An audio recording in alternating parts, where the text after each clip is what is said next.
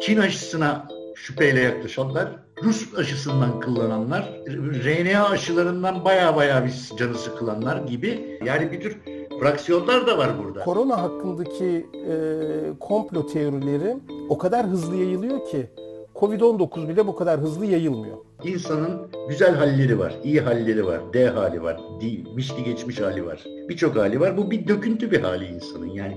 Bu komploculuk, aşı karşıtı, şu bu falan filan diye. Bizi Kısa Dalga Net ve podcast platformlarından dinleyebilirsiniz. İki lafın belinden merhaba. Bugün Tamer'le biraz komplo teorileri üzerine konuşacağız.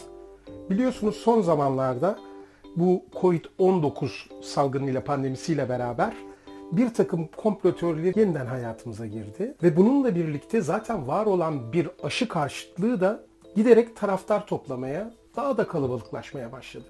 Bugün birazcık bu konuları deşeleyeceğiz. Nedir bu komplo teorileri? Niye varlar? Niye ihtiyaç duyuluyor? Kimler arasında yayılıyor? Niye yayılıyor? Tamer şöyle belki sana topu atabilirim başlangıçta. Ee, okuduğum bir makalede şöyle bir şey diyordu. Korona hakkındaki e, komplo teorileri o kadar hızlı yayılıyor ki Covid-19 bile bu kadar hızlı yayılmıyor. Yani sosyolojide birçok şey, birçok toplumsal e, davranış normu ele alınıyor biliyorsun. Bunlardan bir tanesi mesela dedikodu. Bir, bir tanesi başkasının arkasından konuşmak. Bir tanesi ballandıra ballandıra anlatmak ya da hikayat diyebileceğimiz şey. E, hayata bir renk katma boyutu var komplo teorilerinin. Gündelik hayatın sıkıcılığından bir kaçış boyutu var. Dedikodu gibi, kısmen magazin gibi. Tabii tek boyutu o değil, başka birçok boyutu var. Bir tür bir hobi gibi boyutu da var. O da ilginç. Yani e, komplo teorilerinden öte bir takım eskiden hurafe dediğimiz, batıl inanç dediğimiz birçok şeyin de böyle e, sosyal davr sosyal davranışlara içkin olduğunu görüyoruz. Evet. Peki buradan aslında şöyle konuya şöyle bir bağlantısını yapalım. Mesela bu e, Covid-19 başladı. Kısa bir süre sonra şöyle homurtular da yükseldi. Yani aslında Covid yok. Aslında Covid'i şunlar üretti. Aslında Covid şu yüzden oluyor gibi bir takım böyle hızla şeyler girdi. Mesela ilk benim aklıma gelen geçen e, Mart-Nisan aylarında bu 5G dedikleri bu 5G teknolojisini e, suçladı bir takım insanlar. E, bu 5G ile ilgili 5G ile ilgili kurulan bu baz istasyonlarının aynı zamanda COVID-19'u yayma işlevi gördüğüne inandılar. Nasıl bir ilişki olabilir ki bu arada filan diye düşünürken şunu gördüm. Aslında e, sadece bu olayda değil bir süredir Kremlin mahreçli diyebileceğimiz yani e, doğrudan e, Rusya'nın e, bu gibi bazı komplo teorilerini dillendirdiği, bunların gerçek olduğunu iddia ettiği platformlar varmış. Ben haberdar değildim bundan. Ama bu 5G mesela tamamen Rusların ortaya attığı bir iddiaymış ve insanlar buna inanıyor. Yani şöyle bir şey, hani radyasyonla doğal bir virüsün, canlı bir virüsün radyasyonla sana ulaşabileceğine inanacak kadar insanlar içselleştirmişler. Şimdi burada aslında hani senin söylediğin hurafe, dedikodu ve hobi boyutunu aşan başka bir hesap da var altta yatan sanki. Doğru. Ee, burada Rusya'nın rolü çok önemli. Çünkü Rusya e, bildiğimiz kadarıyla bu Facebook'ta bu tarz hesapları falan da destekleyerek böyle fake hesaplar yaratarak daha Rusya demeyelim de Rus istihbarat diyelim. Böyle birçok şeyin arkasından çıkıyor. Tabii Rusya şimdi çok ciddi bir tehdit altında. Hem e, dünyada birçok ülkede olmayan teknolojilere ve doğal kaynaklara sahip büyük bir ülke. Fakat özellikle Avrupa'dan bir demokrasi tehdidi altında. O yüzden demokrasi gibi rejimlerin stabilizasyonunu bozacak her türden inlik ve cinlik Rusya'dan beklenebilir. Yani e, bu Avrupa'da yeni sağın yükselişi, bir takım akıl dışı politik şeylerin yeniden siyasi ajandaya dahil olması falan gibi şeylerin arkasında da Rusya'nın bir çabası var ama münhasıran bu Rusya tarafından yapılıyor demek de mümkün değil tabii. Ama Rusya'nın böyle şeyleri desteklediğini ben de düşünüyorum. Zaten şöyle evet. bir şey var daha önceki sohbetimizde de belirtmiştik. Ama 5G meselesinde ilginç bir şey var. Ben bu 5G meselesiyle böyle konuşurken senin anlattığın gibi böyle gayet e, toplumsal koşulları bana benzeyen, eğitimi eğitim düzeyi bana benzeyen, sosyal çevresi bana benzeyen insanların arasında dost meclisinde olduğumu düşünerek 5G hakkında konuşurken bir arkadaş mesela bana dedi ki ama dedi çok bilimsel makaleler var bunu gösteren dedi. Hı hı. Ben o makalelerin olmadığını biliyorum da. Fakat bu şeyin tevatürün bir genişlemesi. Dedikoduya ondan değin, değindim. Yani teorinin yayılmasını sağlayan mekanizma ortak olduğu için. Evet, evet. Artık şey tanımıyor. Ee, bunun tabii birçok birçok boyutu var. Bir tanesi bilimle kurulan ilişki. Yani insanların bilimle kurduğu ilişki, bilimin toplumsal rolü. Bilim konusunu ben de çok düşünüyorum son zamanlarda. Bu bugünkü motivasyonlarımdan biri de bu. Bunu biraz arkaya bırakalım mı? Bunu derli toplu konuşalım bilim meselesini. Şunu, şuna ne dersin Tamer? Sağın yükselişi dedik e, Avrupa'da, Batı'da. Aşırı sağ hatta radikal sağın yükselişi dedik. Sağ yükselirken bir yandan da e, bu komplo teorilerine de basarak yükseliyor. E, Amerika'daki Canon galiba nasıl okunduğunu tam bilmiyorum ama Canon diyeceğim bu söyleşi boyunca. Canon diye bir örgüt var. Bunlar aslında hani kendiliğinden bir örgüt. Yine sosyal medya üzerinden örgütlenen bir topluluk diyelim. Ve inanılmaz şekilde e, şeyler yayıyorlar. Komplo teorileri yayıyorlar. E, bunların öncülleri de 2016 seçimlerinden hemen önce Hillary Clinton'ın işte çocuk pornosu işine karıştığı, bir pedofil olduğu, çocuk kanı içtiği, efendime söyleyeyim e, satanist olduğu filan şeytana tapan bir insan olduğu gibi bir söyle, söylentiyle başlayan bir süreç var. Bu sürecin sonrasında e, hatta şeyde Amerika'da bir pizza dükkanı basılıyor. İnsanlar gidip burayı kuşatıyorlar filan. Polis gelip zar zor kurtarıyor oradaki insanları. Hatta bir silah ateşleniyor filan. Şimdi aşırı sağ ile böyle asılsız söylentilerin çok kolay çürütülebilecek hatta akla izana sığmayacak söylentilerin de bir ilişkisi var. Fakat bunların inanılmaz derecede karşılık bulduğunu görüyoruz dünyada. Dünyada derken biraz aslında Batı Avrupa'da diyelim. E, çünkü diğer tarafları çok iyi bilmiyorum. Buna yönelik senin gözlemlerin nedir? Buna yönelik en önemli şeylerden bir tanesi solun geçirdiği dönüşümdür diye düşünüyorum. Şimdi e, dünyada sol politik doğruculuk eksenli bir şeye dönüştü. Politik doğruculuk üzerinden işleyen bir seçkinler ideolojisine dönüşme eğilimi gösteriyor diyelim. Tam anlamıyla dönüştü demeyelim. Yani sıradan insanla, küçük insanla konuşmayı kesti. Çoktan çoktan beri kesti. Böyle olunca bu sıradan insanın elitler katında kabul görmeyen arayışlara yönelmesi mümkün hale geldi diye düşünüyorum. Bir boyutuyla ama. Yani bu motomot budur anlamında söylemiyorum. Aynı şekilde bu solda da böyle garip bir komploculuk yok mu? Şöyle yani çok basit bir bir yangın çıkıyor. Mesela herkesin bir fikri var yangınla ilgili. Kontaktan çıkmıştır, rüzgardan çıkmıştır, mutfaktan çıkmıştır gibi. Solun cevabı hep aynı. Kapitalizm yüzünden olmuştur. Yani bu da başka komplo teorisi aslında. Hep hep kendini tekrarlayan bir komplo teorisi bu da. Komplo teorilerini analiz ettiğimiz zaman zaten şöyle bir şey ortaya çıkıyor. Komplo teorisi dediğin şey aslında bir açıklama. Herkes bir şey açıklamaya çalışıyor. Bu iyi niyetli de olabilir, kötü niyetli de olabilir. Yani arkasındaki motivasyon kötü bir şeye de dayanabilir ama bir şeyi açıklamaya çalışıyor. Bunu açıklamaya çalışırken de doğal olarak kendisini rahatsız eden bir şeyden yola çıkıyor. Ve bu kendisini rahatsız eden şeyin durumlarından bir tanesi mesela güvensizlik hissi olabiliyor. Yani kendini toplumsal olarak ya da sınıfsal olarak ya da bireysel olarak güvende hissetmiyorsun. Bir tehdit algılıyorsun sürekli. İşte az önce e, senin söylediğin hani kapitalizmden. Evet yani bugün dünyada yaşayan orta sınıf işçi kökenli insanların tamamı bir kapitalizmin e, saldırısı altında, tehdit altında yaşıyor. Her an ayağa kayabilir, her an ölüp gidebilir. Şimdi böyle bir e, tehdit algısı karşısında bir açıklama e, bulmaya çalışmak son derece normal olsa gerek. Evet ama orada sıkıntı şu. Elbette dünyada yaşanan her türlü çelişkinin, çatışmanın ve benzerinin sebepleri var. Fakat bu sebepler belirli dolayımlar üzerinden çalışan şeyler.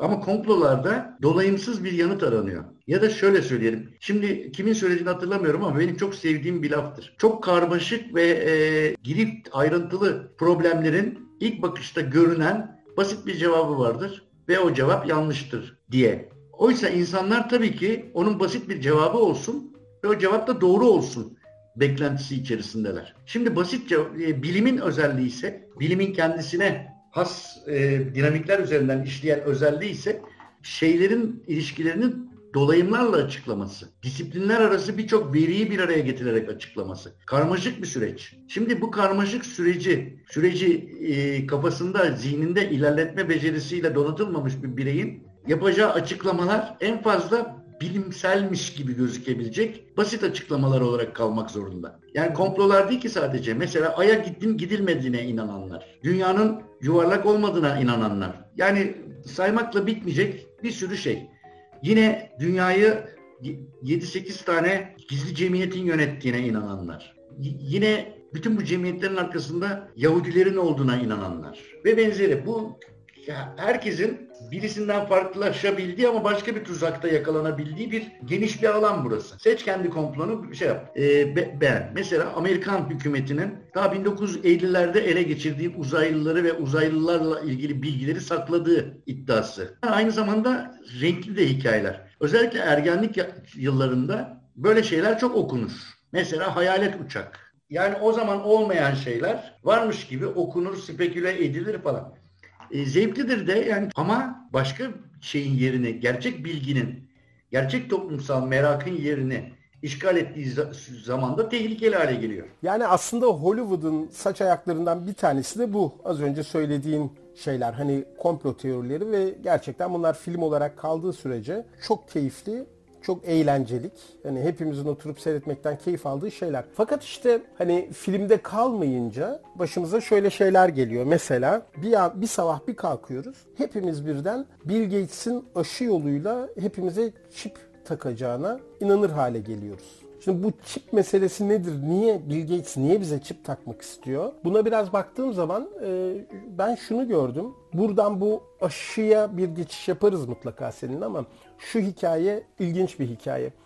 E, bütün bu Covid-19 süresince şeyin Bill Gates'in hedef tahtasına oturtulmasının birinci nedeni 2005'te yaptığı bir TED konuşması. Bill Gates o TED konuşmasında Ebola virüsünün nasıl yayıldığından söz ediyor. Bilgiler veriyor ve yeni pandemilere karşı da diyor hazırlıklı olmalıyız. Yani bu koronavirüs denen şey ciddi bir şey. Bizim bunlarla baş etmeyi öğrenmemiz gerekiyor. Buraya yatırım yapmamız gerekiyor filan diyor adam aslında. İşte onu suçlayanlar da bu konuşmayı bir kanıt olarak gösteriyorlar. Bak bu adam biliyordu böyle olacağını. Hatta bizzat kendisi bunu örgütledi, bunu yaydı filan diyorlar. Şimdi buradan zaten Bill Gates bir şeyleri çekiyor e, şimşekleri çekiyor. Ama asıl çip meselesi şöyle. Bir şirket var. ID 2020 The New Humanitarian diye bir şey galiba. ID22'nin derdi, bu bir sivil toplum örgütü. Bunların derdi yeryüzünde bulunan, e, yoksulluk sınırının altında yaşayan pek çoğu evsiz bir sürü insan var. Bu insanlar servislere ulaşamıyorlar. Hiçbir şekilde hizmet alamıyorlar. Bu e, sivil toplum örgütü de diyor ki biz bu insanları belirleyelim ve bunlara dijital bir kimlik verelim. Bu dijital kimlik meselesi e, anladığım kadarıyla çipe evrilmiş. Peki bu ID 2020 ile e, şeyin arasında nasıl bağlantı var Bill Gates'in? Çünkü bu sivil toplum örgütünü destekleyen kuruluşlardan biri de Microsoft. Fakat işler öyle bir hale geliyor ki, öyle bir gelişiyor ki geçen yıldan bu yana bu sivil toplum örgütünün aldığı e, tehditlerin haddi hesabı yok. Telefonları kilitleniyor. Hani serverları çöküyor filan ve en son FBI'den destek istiyorlar. Bu şeylerden kurtulabilmek, korunabilmek için. Ve bu da kendileri de karşı aleyhlerinde e, komplo teorilerini destekleyen bir unsur haline geliyor. Bak işte gördün mü FBI de girdi işin içine. Çünkü biz haklıyız. Bunlar hepimize çip takacak. FBI de onları koruyor ya filan gelmiş durumda. Hayata kulak ver. Kulağını sokağa aç. Haberi duy. Haber podcastle buluştu. Kısa Dalga Podcast. Şimdi insanlar aşıdan korkar hale geldi. Çünkü aşının sadece aşı olmadığını düşünür hale geldi. Hep kötü niyetli birilerinin de bu aşı meselesini misuse edecek, kötüye kullanacağına inanır hale geldi. Ve aşı haricinde de zaten Batı'nın yaptığı bir şeydi. Yani Batı'dan gelen bir şeydi. Şimdi Bill Gates bildiğim kadarıyla vakfıyla özellikle yoğun bir şekilde Afrika'da ve kısmen Asya'da palyo ile mücadele ediyor. Evet. Hatta Afrika'daki palyo aşısını stoklayıp yaptığı merkezlerinde elektrik problemi olduğu için ufak enerji santralleri kurduğu bir girişimi vardı. Geçtiğimiz yıllarda Boko Haram tarafından imha edildi bunlardan birkaç tanesi. Ve e, orada e, Bill Gates'in e, çalışanlarından da ölenler oldu. Yani orada bir mücadele veriyor. Yani sadece şöyle bir şey var. Bill Gates'in zihni diye bir belgesel var bu konuda. İsteyenler onu izleyebilirler, şey yapabilirler. Ama aşının aşıya karşı olmak çok eski bir fikir aslında. E, hatta bir dönem 1990'dan olsa gerek bir e, bir uluslararası bir aşı projesinde kök hücre pardon aşı değil kök hücre projesinde Türk DNA'sı çalınmak isteniyor diye bir şey çıkmıştı Türkiye'de hatırlarsan. Türk'ün DNA'sını çalacaklar onu modifiye edip yeniden geri gönderecekler kök hücre adı altında ve böylece Türklüğünü bozacaklar. Pozitif yanları da alıp kendilerine yapacaklar ve böylece üstün güçler elde edecekler gibi bir şeyde bir komplo teorisi, yerel, lokal bir komplo teorisi de o zamanlar konuşulmuştu. Şimdi evet. aşıya karşı biliyorsun Soner Yalçın da bir kitap yazdı. Şöyle iddialar var. Bu aşıların saraya yol açtı, epileptik, Otizm. otizme yol açtı, saraya yol açtı, epileptik krizlere girdiği çocukların, geri zekalılığa yol açtı ee, ve benzeri gibi bir sürü şeyler var. Civa, kurşun, çinko gibi ağır metallerin aşılarla insana zerk edildiğini iddia eden bir boyutu var bunun. Peki niye yapıyorlar bunu? Yani bu ilaç şirketleri niye böyle şeyler üretiyor? İnsan çocuklar geri zekalı büyüsün diye mi? Çinko kurşun mu? Teknoloji gelişiyor. Evet. Yani sakıncalı, sakıncalar ortaya çıktıkça onları azaltmaya çalışıyorlar. Hayır hayır bunu bunu şunu sor, soruyorum. Bu iddianın sahibi insanlar. Bir kısmı inandıkları için bir kısmı e, yani ben ben de kendim de çocuk büyüten bir insan olduğum için işte mesela oğlumun yaşı geldiğinde Türkiye'de kızamık aşısı yaptırmama modası vardı. Biz biz bayağı yaptırmakta zorluk çektik. Yani Allah'tan hekimimiz aşı yanlısı bir hekimdi ve de biz çok problemi vardı. İthal aşı falan filan bularak yaptırdık. Yani kızamık aşısı yaptırmayan bizim dönemimizde bizimle aynı dönemde çocuğu olmuş bir grup insan vardı. Yani bu aşıyla ilgili şey yeni bir şey değil ama SARS şey Covid ile birleşince şimdi garip bir durum ortaya çıkıyor. Çünkü aslında çok unutulan bir şey var. Covid ile genel olarak Covid ile ilgili çok olumsuz şeyler söyleniyor ama insanlık adına çok olumlu bir durum var. Yani neredeyse bir yıldan kısa bir sürede insanlığın bir aşı üretebildiğini gördük. Bu aslında aşı üretim hızında bir rekor. Yani mesela bu, buna insanlık ailesi adına bundan gurur duymak da mümkün. Bundan şüphe etmek daha mümkün gibi gözüküyor ama görüldüğü gibi. Yani e, şimdi bir de aşılar arasında da bir hiyerarşi kuruluyor. Aşıya tamam diyenler var ama klasik olsun. RNA aşısı şimdi o hiç belli değil diyenler de var. Ve bütün bunlar için gerekli çek şey ne? Yeterince cahil olman gerekiyor bunları ileri sürebilmen için. Bilim insanı mRNA aşıları hakkında olumsuz bir şey söylemiyor. Mutlaka bir belirsizlik var. Bütün aşılarla ilgili var. Çünkü senin söylediğin gibi çok kısa bir sürede belki de bazı fazları biraz kısaltarak, bazı testleri biraz azaltarak bu aşıları çıkarmak zorunda kaldı insanlar, bilim insanları. E, o yüzden evet belirsizlik var ama bu mRNA aşılarının diğer aşılara göre şöyle ya da böyle olacağına ilişkin iddiaların tamamı ya hekim olmayanlardan geliyor. Yani konunun uzmanı olmayanlardan hekim de belki sıradan bir hekim de bu konuda çok bilgi sahibi olmayabilir. Konu uzmanları dışından geliyor ya e, ya da gerçekten hani bakkal hesabında şaşıracak, şaşırabilecek arkadaşlardan geliyor. Hani hayatla ilişkisi böyle bu, bu derecede olan arkadaşlar. Aynen. Hatta şöyle bir şey var. Daha da ilgimi çekiyor benim. Şimdi bu e, komplo, komplo teorilerinin aşı karşıtlığının öyle bir düzeyi var ki bu sosyal düzey mesela. Bireysel düzeyde işler değişebiliyor. Çok ilginç. E, spekülatif bir şey söyleyeceğim ama şimdi bir anket yapıldı geçtiğimiz günlerde Türkiye'de. Hangi aşıyı yaptırırsınız diye. Çok büyük bir çoğunluk yerli aşı yaptıracağını söyledi. Şimdi bu bir sosyal bir fenomen. Anket karşısında nasıl davran, Türkiye'liler nasıl davranıra dair bir bilgi veriyor bize. Evet. Ama ben şimdi bir spekülasyon yapıyorum. Yarın aşı olmaya gittiğinde bir kabine kapatsalar, içeride sadece bir aşı görevlisi olsa ve elimizde bir Alman aşısı var, bir de Türk aşısı var. Hangisini yapalım deseler, çoğunluğun Alman aşısını yaptıracağına eminim. Yani burada böyle bir ikiyüzlülük düzeyi de var. Sürpriz olmazdı. Ee, bir şey söyleyeceğim. Ya bu anket için soruyorum. Türk aşısı yerli aşı diye bir şey mi var? O da ayrıca bir muamma. Evet bir yerli aşı çalışması var ama Yerli aşı çalışmasının birinci faz çalışmasında, birinci fazda çalışma. Ama sanki işte Mart'ta hallederiz falan gibi de bir özgüven var. Bilmiyorum yani çok da takip etmedim o konuyu ama bir de hani bu kadar bulunmuş aşı varken neden böyle bir çalışma var onu da bilmiyorum. E aslında olmasında sakınca da yok. Hani evet aşı yok, var ama. Yok yani tabii ki bir milli teknolojinin olması iyidir tabii. Evet yapabiliyorsa herkes yapsın yani.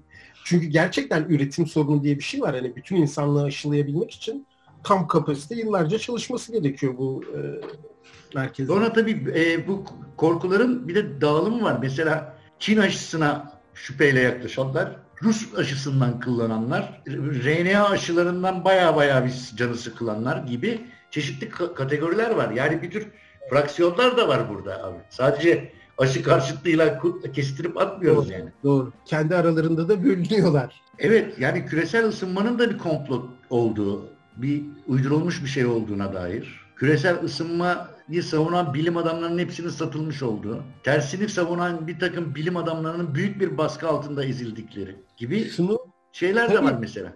Doğru doğru şunu söyleyeyim zaten az önce bu Canon denen örgütten söz ettim. Bunlar işte 2016'daki hikayenin üzerine bu işte e, ping pong restoranındaki hikayenin üzerine 2017'de böyle Q, Q bilmem ne diye bir e, sosyal medya kullanıcısının şeyleriyle, mesajlarıyla aslında başlayan bir hikaye. Hızla yayılıyor bu. Hızla şey kazanıyor ve çok Trump vari bak bunu söylemedik tabii şu ana kadar ama bunların hepsi Trumpçı neredeyse. Trump e, sloganlarıyla bitiriyorlar bu mesajlarını ve çok kısa bir süre sonra şunlarla bir araya geliyorlar. Onlar da kendine kanon demeye başlıyor. Kennedy'yi kim öldürdü aslında? E, Marilyn Monroe ölmedi. Bu, buna inanan insanlar da hemen burada şey yap. Küresel iklim krizi diye bir şey yok. Bütün bu insanları kendi şeyinde buluşturan bir çatı örgütü haline geliyor kanı. Evet Çok evet. Iyi. Yani hemen birbirlerini buluyorlar ve şuna da hiç şey yapmıyorlar mesela. Aynı şeydeki iddiaları söylüyorum sana. Mesela bir tanesi diyor ki Lady Diana aslında ölmedi. Lady Di yaşıyor. Peki ama bir başkası da şöyle diyor. MI6 öldürdü. Şunu diyor evet bu, bu zaten var. Lady Di kendi ölümünü kendisi planladı şu yüzden. Hani kraliçe kraliçe bir şey yapmak için kendi kendini öldürdü diyor. Ve bu ilk iddiayı atan evet haklısın diyor ona. E hani ölmemişti? Mesela burada hiç oyalanmıyorlar. Tabii, hiç tabii, oralarda tabii. kaybetmiyorlar. Aslında biraz e, mesela komplonun insan hayatında, komplo teorisinin insan hayatında çok somut yeri var. E, konuşmuştuk daha önce. İşte şeyden başlar bu. De, sınava girersin, başarısız olursun. Açıklaması nedir? Hoca bana taktı. Yani komplo burada başlıyor aslında. Yani değil mi? Hiç senin sorumluluk almadığın bir dünya algısı aslında. Ya çok güzel bir yere bağladın hocam. Buradan şeye geçelim. Yani derse çalışmamış, dersine çalışmamış adam inanmak için bir takım yalanlara ihtiyaç duyuyor. İşte hocanın kendisine takması gibi ki bazen de takıyor hoca gerçekten. Şimdi bu zaten komplonun e, bu kadar popüler ve bu kadar hayatının uzun o bu kadar survive edebilmesinin nedeni de bu. Bazen gerçekten o olmuş oluyor. Mesela küresel iklim krizinde mesela büyük sanayi kuruluşlarının bazı bilim insanlarına, sözde bilim insanlarına parayla rapor yazdırdıkları çıktı ortaya. Ya da işte bu hani hatırlarsınız yani sigara üreticileri ve sigara karşıtlarının arasındaki o debate'ler sırasında aslında sigara şirketleri baya baya bir yalan bilgi pompalamış. Şimdi bunlar ortaya çıktıktan sonra şöyle olabiliyor. Öğrenci şunu diyebiliyor. Bak tamam ben çalışmamıştım ama bak gördün mü doğru çıktı adam bana takmış meğer. Ya evet binde bir kezde bu doğru olabiliyor ama. Ama şimdi hocanın taktığı te, haklı durum sadece başarılı öğrenci için geçerli. Yani bir öğrenci zaten başarılı ve geçemiyorsa hoca taktı diye bir gerekçe geçerli olabilir. Yani sen çalışmıyorsan, başarısızsan... Ya zaten senin, senin orada ne yazdın belli arkadaş. hoca takmasa da senin şansın yok. Şimdi e, biraz toparlayıp kapatabiliriz bence ama tabii toparlama kısmını da bilim bilimsel bilgiyle hani ilk başta biraz değindik ama bu bilimsel bilginin doğası, bilimsel bilginin bugünkü işlevi ve nasıl algılandığıyla ilgili istersen biraz devam edelim. Şimdi bu post dönemlerde hani biraz daha önce sohbetini yapmıştık. Bu pozitivizm eleştirisiyle başlayan ve batı merkezlilik eleştirisiyle başlayan bir şey geldi, bir dalga geldi insanlığa. Bu dalga 1980'lerde pik yaptı. Bu neoliberal tezahürler ortaya çıktı. Hı hı. Artık daha önce bilimin açıkladığı varsayılan bir takım açıklamalara itibar edilmez oldu. Ve böylece bilimin altı hafiften hafiften bayağı bir oyuldu. Evet. Şimdi bu oyulmanın arkasında yeni metafizikler diyebileceğimiz her şey mümkün. Mesela siyaset hayatı da öyle. Olmadık şeyleri birbirine eklemleyebiliyorsun. Yani hem bir yeni sağ ve kapitalist bir ajanda içerisinde mesela bu komplocu şeylere inanan aktörler var. Aynı zamanda da müthiş zengin düşmanı, servet düşmanı insanlar bunlar. Ama aralarında dolar milyarderleri de var. Evet. Falan böyle bir e, amalgam bir şey oluşturdu. Bir yapı oluşturdu. Bilimle olan ilişki ise gitgide teknikle olan ilişkiye indirgendi. Yani daha az kar yapan buzdolabına eyvallah ama bunu nasıl yaptığınla ben ilgilenmiyorum gibi bir şeye. Bir şeye dönüştü. Ya da Şimdi teknoloji öyle bir noktaya geldi ki bazıları şeyleri açıklamak mümkün değil. Yani eskiden viraja hızlı girersen araban devriliyordu. Şimdi arabandaki bir sistem senin yerine frenleyerek, mirenleyerek, tekerlerin şeyiyle oynayarak, aksla oynayarak falan filan senin devrilmeni engelliyor. Ee, şimdi insanlar tüketim davranışları sergilerken bu bilimsel teknik şeylere de uzak durmuyorlar. Mutlaka onları tercih ediyorlar. Ama onun arkasında bunu sağlayan şeyin aklın kendisine ihtiyaçları yok. Zaten akıl akıl da ermiyor yani. Bunlar artık akıl sır da ermiyor. Özellikle bu soft bilimler. Soft bilimden kastım şu. Yani birçok şey artık yazılmış bir kod etrafında. İşte eskisi gibi mekanik şeyler değil. Sadece mekanikten ibaret bir bilim yok artık. Bir, bir, bir algoritma çalıştırıyorsun ve o arabayı doğrultusunda tutuyor işte o. Ee, ya bu konuda ben biraz daha böyle bilgi bilimsel bir sorun da olduğunu düşünüyorum işin temelinde. O da yani şimdi 19. yüzyıl sonları işte 20. yüzyıl falan baktığımız zaman çok egemen bir pozitivizm görüyoruz ya. Hani pozitivizm sadece bilimsel yöntem olarak kalmıyor. Resmen bir e, egemen paradigma oluyor artık. Hani hayatın her alanına yansıyor. Mesela sadece fizik araştırmaları için değil, sosyoloji için de öngörülen ve mutlak gerçeklik olduğu düşünülen bir yöntem haline geliyor pozitivizm. Yani siyasetinden bilimine, e, sanatına kadar hatta bütün hayatı kuşatıyor. Gerçekten büyük bir paradigma. Fakat bu e, bilimsel bilgi, bilimsel dizge bir paradigma olarak genişlerken siyasi olarak, ideolojik olarak kendisini tam olarak konumlandıramıyor. Orada galip gelen aslında e, liberal hümanizm oluyor. Yani 20. yüzyılla birlikte liberal hümanizm bilimsel bilgiye inanan insanların gerçekleştirmesi gereken ideolojik siyasi birliği yakalayamıyor. Tam tersi. Liberalizme doğru kaydığı zaman da şöyle bir birey ortaya çıkıyor. Hani birey zaten keşfedilmiş ama bir anda bireyin her şeyi çok kıymetli, çok kutsal oluyor o birey. Senin isteklerin kutsal, duyguların kutsal, verdiğin oy kutsal, her şeyin kutsal. Niye? Çünkü artık piyasa mekanizması birey üzerine çalışıyor. Yani reklamları sana yapıyor. Belirsiz bir topluluğa değil bireye yapıyor. Buradan da şöyle bir şeye evrildi bana sorarsan 80'lerle birlikte artık. Az önce biraz söyledim. Her birey kendi gerçekliğini kendisi tanımlama hakkına sahip. Bunu birazcık konuşmuştuk daha önce. Sosyal medya üreticiliği gibi. Ben bunu yaptım, ben buna inanıyorum. Artık şunu söyleyebiliyorum ben. Ben bir bireyim. Ben kendi gerçekliğimi şöyle kuruyorum. Benim yaşadığım dünya düz tamer. Yani sen eğer bana saldırır, benim bu fikrime saldırırsan bana saldırmış oluyorsun. Benim kişisel bütünlüğüme saldırın. Bunu yapamazsın. Eğer bunu yaparsan ben seni teşhir ederim. Ve bu artık hakikatle bireysel hakikat arasındaki gerilimi iyice su yüzüne çıkardı. Yani bir, şimdi bu çok riskli de bir şey söylüyorum ben. Çünkü bu kendi gerçekliğini e, yaratma ve tanımlama ve deklare etme meselesine aslında bir takım kimlikler de giriyor. Mikro kimlikler de giriyor, etnik kimlikler de giriyor ve artık iş birazcık içinden çıkılmaz bir hale geliyor. Fakat bu arada bireye bu özgürlüğü veren e, o liberal hümanizm dediğim şey de çözüldü. Yani demokrasilerin sonu geliyor artık. Çünkü e, hani o şeffaflık falan olmayınca yönetimler çözülmeye başladı ve buradaki güvensizlik artık her bireyin kendi öznel dünyasında haklı olduğu bir şeye, atomize bir dünyaya doğru. Her şey, her şey birbiriyle eklemlenebilir görülüyor. Oysa evet. her şey birbiriyle eklemlenemez. Yani şöyle cümlelere çok rastlayabiliyoruz değil mi? Irkçı değilim ama Araplardan hiç hoşlanmıyorum gibi bir cümle kurulabiliyor mesela. E tabi, tabi. E, yani çok yakın zamanda yaşadık işte Şampiyonlar Ligi maçında Dembaba'ya Macar hakemin söylediği sözün hemen arkasından Türkiye'de işte e, İsrail'den dön, dönemeyen e, Sivas takımıyla ilgili İsrail'e ne laflar edildi? Hani ya bir birer gün arayla oldu bütün bunlar. Hocam e, yani şöyle genel olarak komplolar hakkında konuştuk. Aşı e, karşıtları hakkında konuştuk.